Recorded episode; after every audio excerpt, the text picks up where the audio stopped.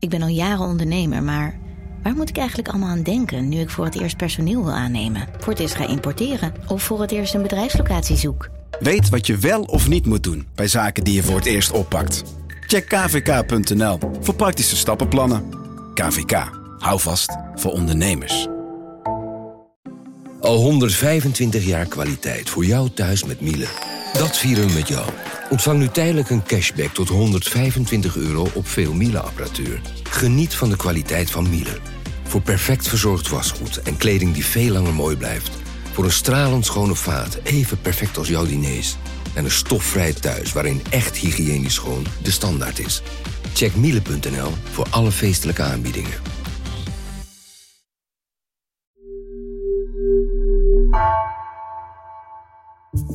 Vanaf de redactie van NRC het verhaal van vandaag. Mijn naam is Floor Boon.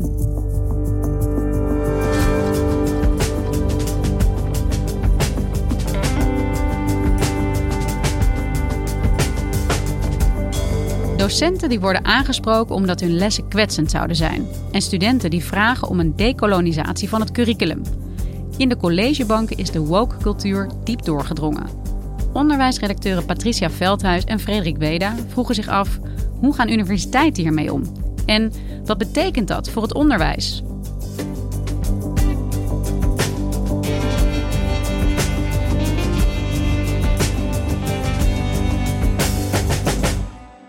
Look, you know how those reporters are. I know how you are. Blake told me about your would be seduction. But how could you possibly think he could ever be interested in you again? Maybe all I really need is just a little more time. I'm not finished. Je hoort hier een eh, scène uit de televisieserie Dynasty. Dat was een hele populaire serie in de jaren 80. En uh, de hoofdrolspelers, uh, Alexis en Crystal, uh, vechten hier met elkaar en rollen van een uh, modderhelling uh, af.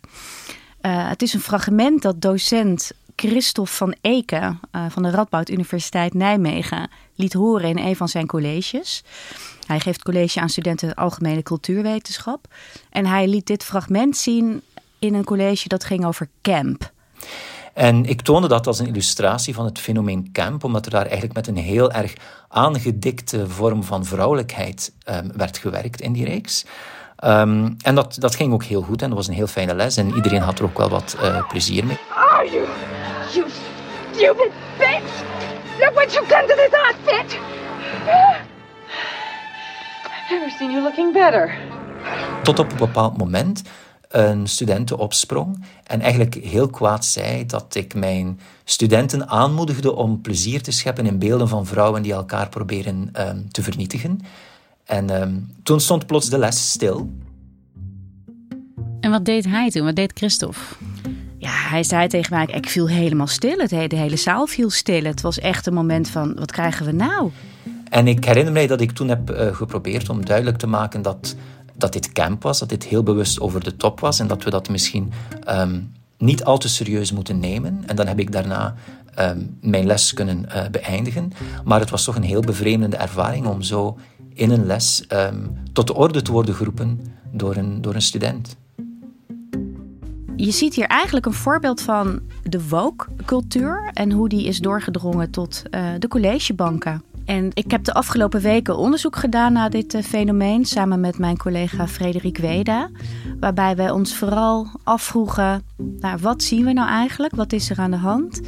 En hoe uit zich dit fenomeen op universiteiten en hoe gaan ze daarmee om? Ja, want om even heel uh, basic te beginnen. Woke als begrip duikt veel op de laatste jaren. Mm -hmm. Wat is het eigenlijk? Wat is woke? Ja, dat is al, al best wel een lastige vraag, want het is een heel breed containerbegrip uh, geworden. Maar als je, hè, als je het echt vertaalt, dan is het een soort wakker, wakker zijn, wakker worden. En uh, hoe het wordt geïnterpreteerd is een soort bewustwording bij mensen. Hè, als je woke bent, dan zie je wat er mis is in de maatschappij. En dan gaat het om zaken als uh, seksisme, racisme. dan ben je alert op, je signaleert het en je kaart het aan. Je, je wilt dat andere mensen het ook zien en nou ja, zich minder racistisch, seksistisch, et cetera gedragen. En uh, Patricia, woke is een begrip dat uh, over is komen waaien uit Amerika. Daar mm-hmm. bestaat het al langer. Maar wanneer viel het jou eigenlijk op als term van betekenis mm-hmm. hier op de Nederlandse universiteiten? Ja, dat ik het echt voor het eerst hoorde en zag, dat was, was echt al een tijdje geleden. Um, in 2015 werd het Maagdenhuis bezet door studenten in Amsterdam. zij eisten meer inspraak, onder andere.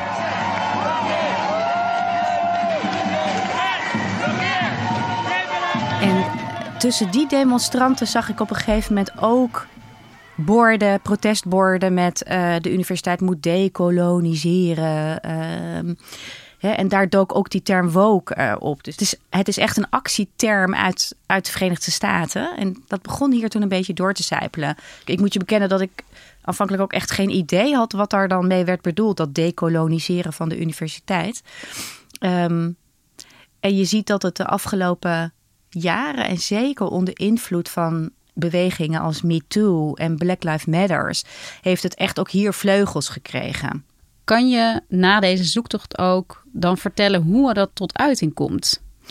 Ja, ik denk dat ik het iets beter begrijp. Um, wat, wat studenten willen als ze zeggen dat de universiteit gedecoloniseerd moet worden. Um, zij zeggen van heel breed eigenlijk. Aan de ene kant willen ze bijvoorbeeld dat de universiteit diverser wordt en inclusiever, zoals ze dat dan noemen. Hè. Iedereen moet zich hier thuis uh, voelen. Hè. Of je nou een witte student uit Groningen bent of een zwarte student uit Maastricht. Uh, iedereen moet op dezelfde plek zich even veilig uh, kunnen voelen. Maar wat ze ook willen is dat er anders naar het curriculum wordt gekeken. Dus hè, wat, wat leren we? Wat is de verplichte lesstof? Wat zijn, de, wat zijn de boeken die we moeten gebruiken? Wat is de literatuurlijst? Deze studenten en ook sommige docenten hoor, zeggen ja, die is zo traditioneel nog vaak. Hè, er staan alleen maar witte of westerse auteurs op. Laten we daar kritisch naar kijken. Moet daar niet, moeten die literatuurlijsten niet wat diverser?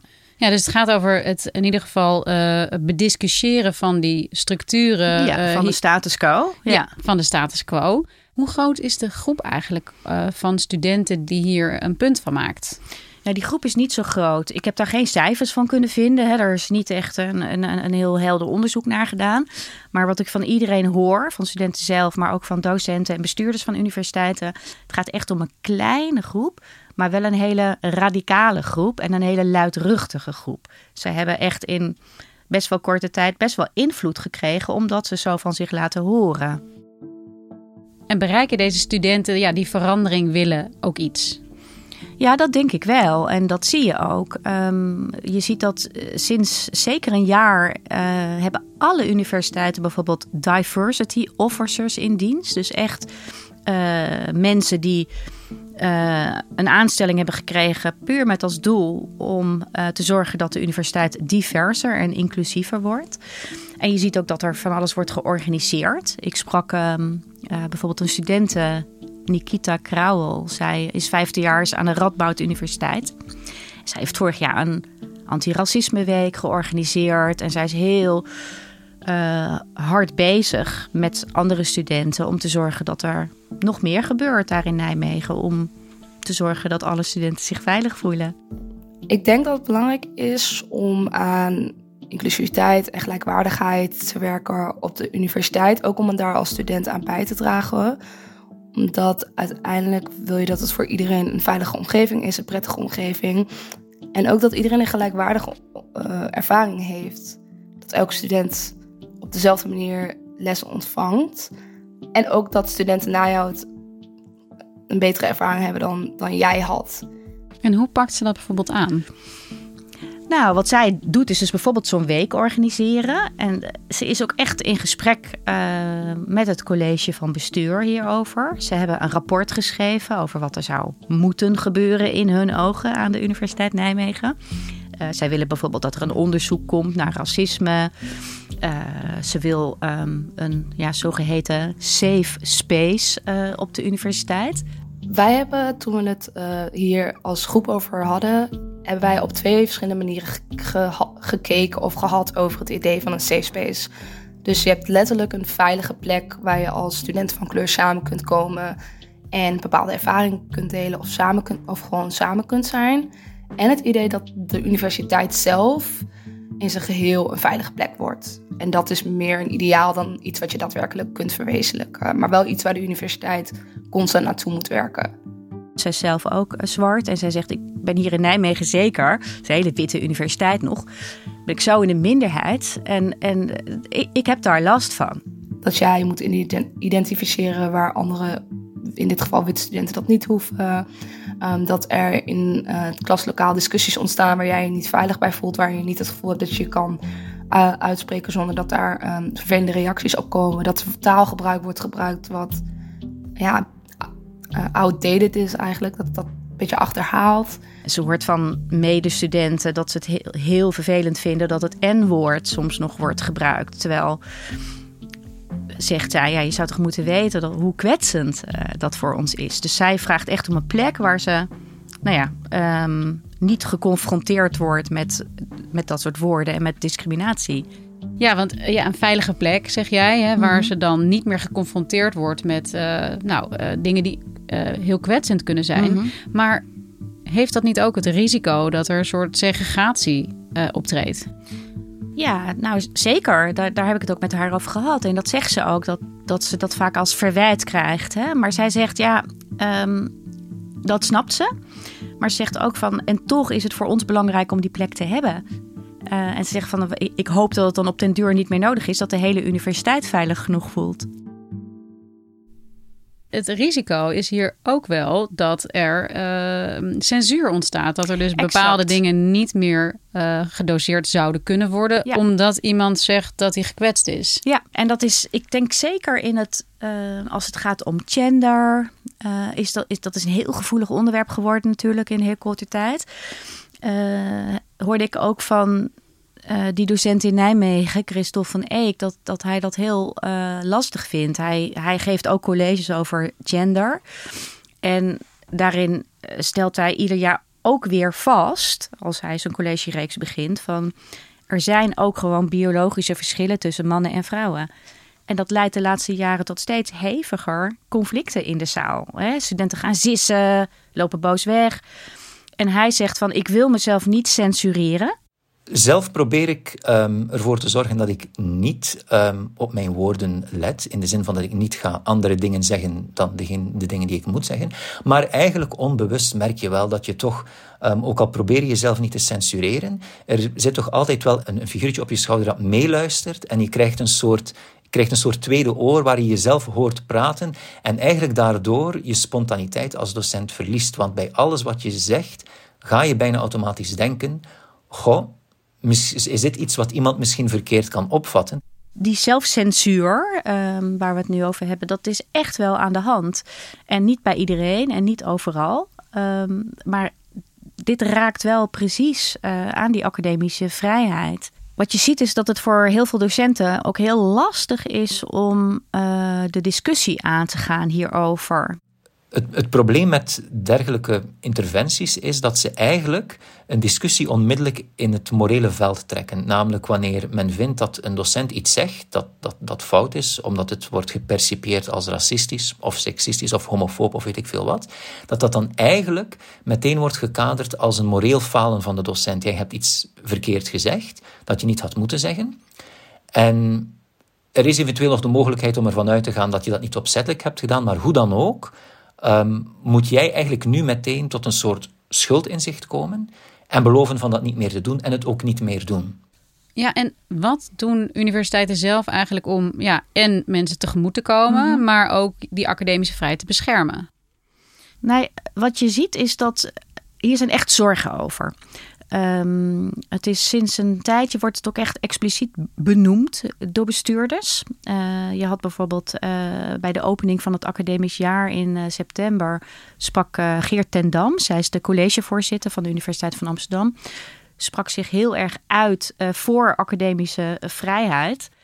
En zij waarschuwt in haar speech van ja, wij vinden het als UvA heel belangrijk om een veilige plek voor studenten te zijn. Maar die veiligheid mag niet ten koste gaan van het debat hier. Maar als die alertheid ertoe leidt dat studenten niet meer geconfronteerd willen worden met afwijkende meningen en onwelgevallige perspectieven, dan raken we de ziel van de universiteit kwijt.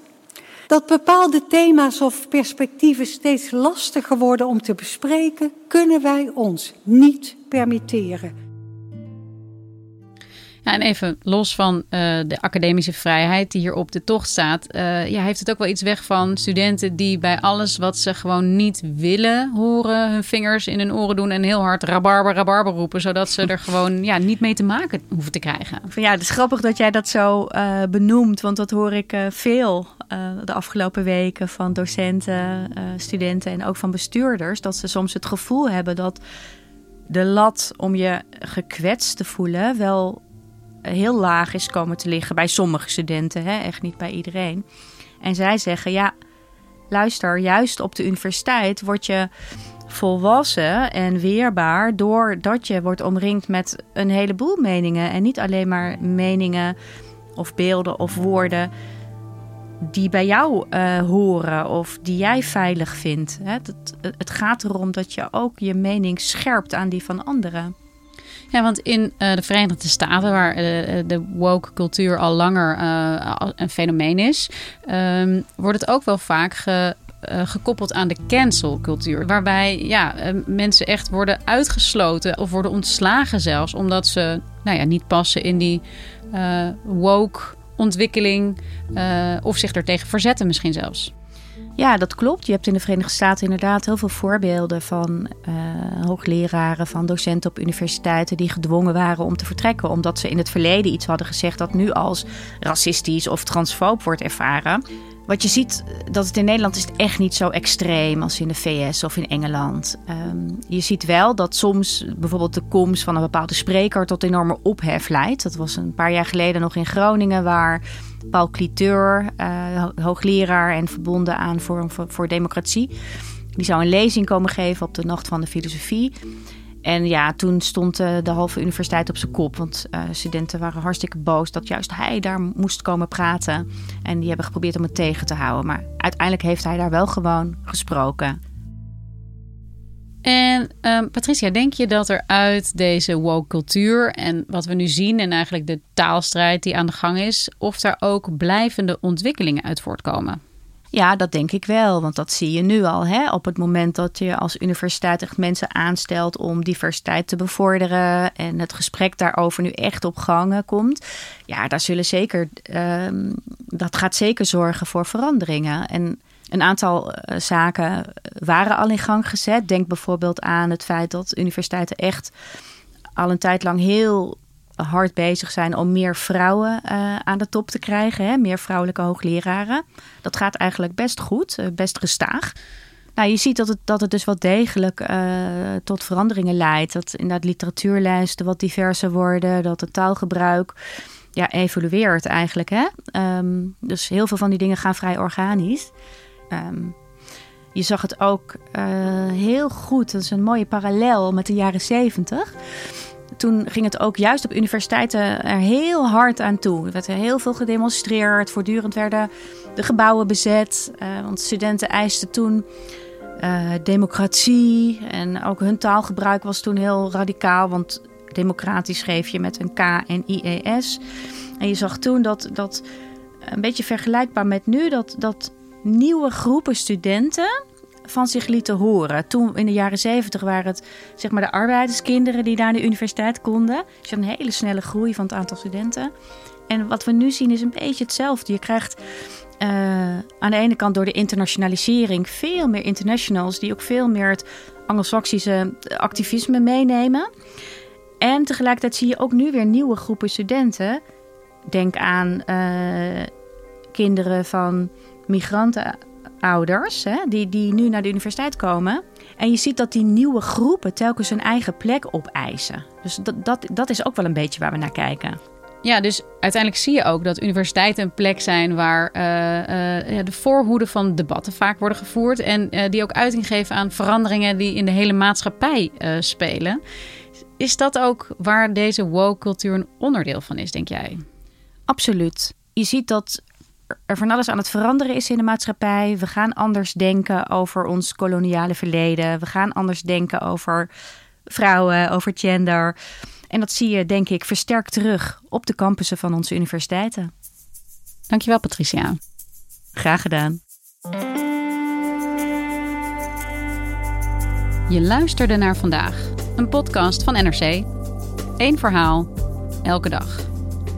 Wil je meer horen over woke en hoe taal mee evolueert met de tijd? Luister dan ook naar de aflevering van Onbehaarde Apen, de podcast van de NRC Wetenschapsredactie. Deze aflevering werd gemaakt door Wijken van Kolwijk en Marco Raaphorst. Dit was vandaag. Morgen weer.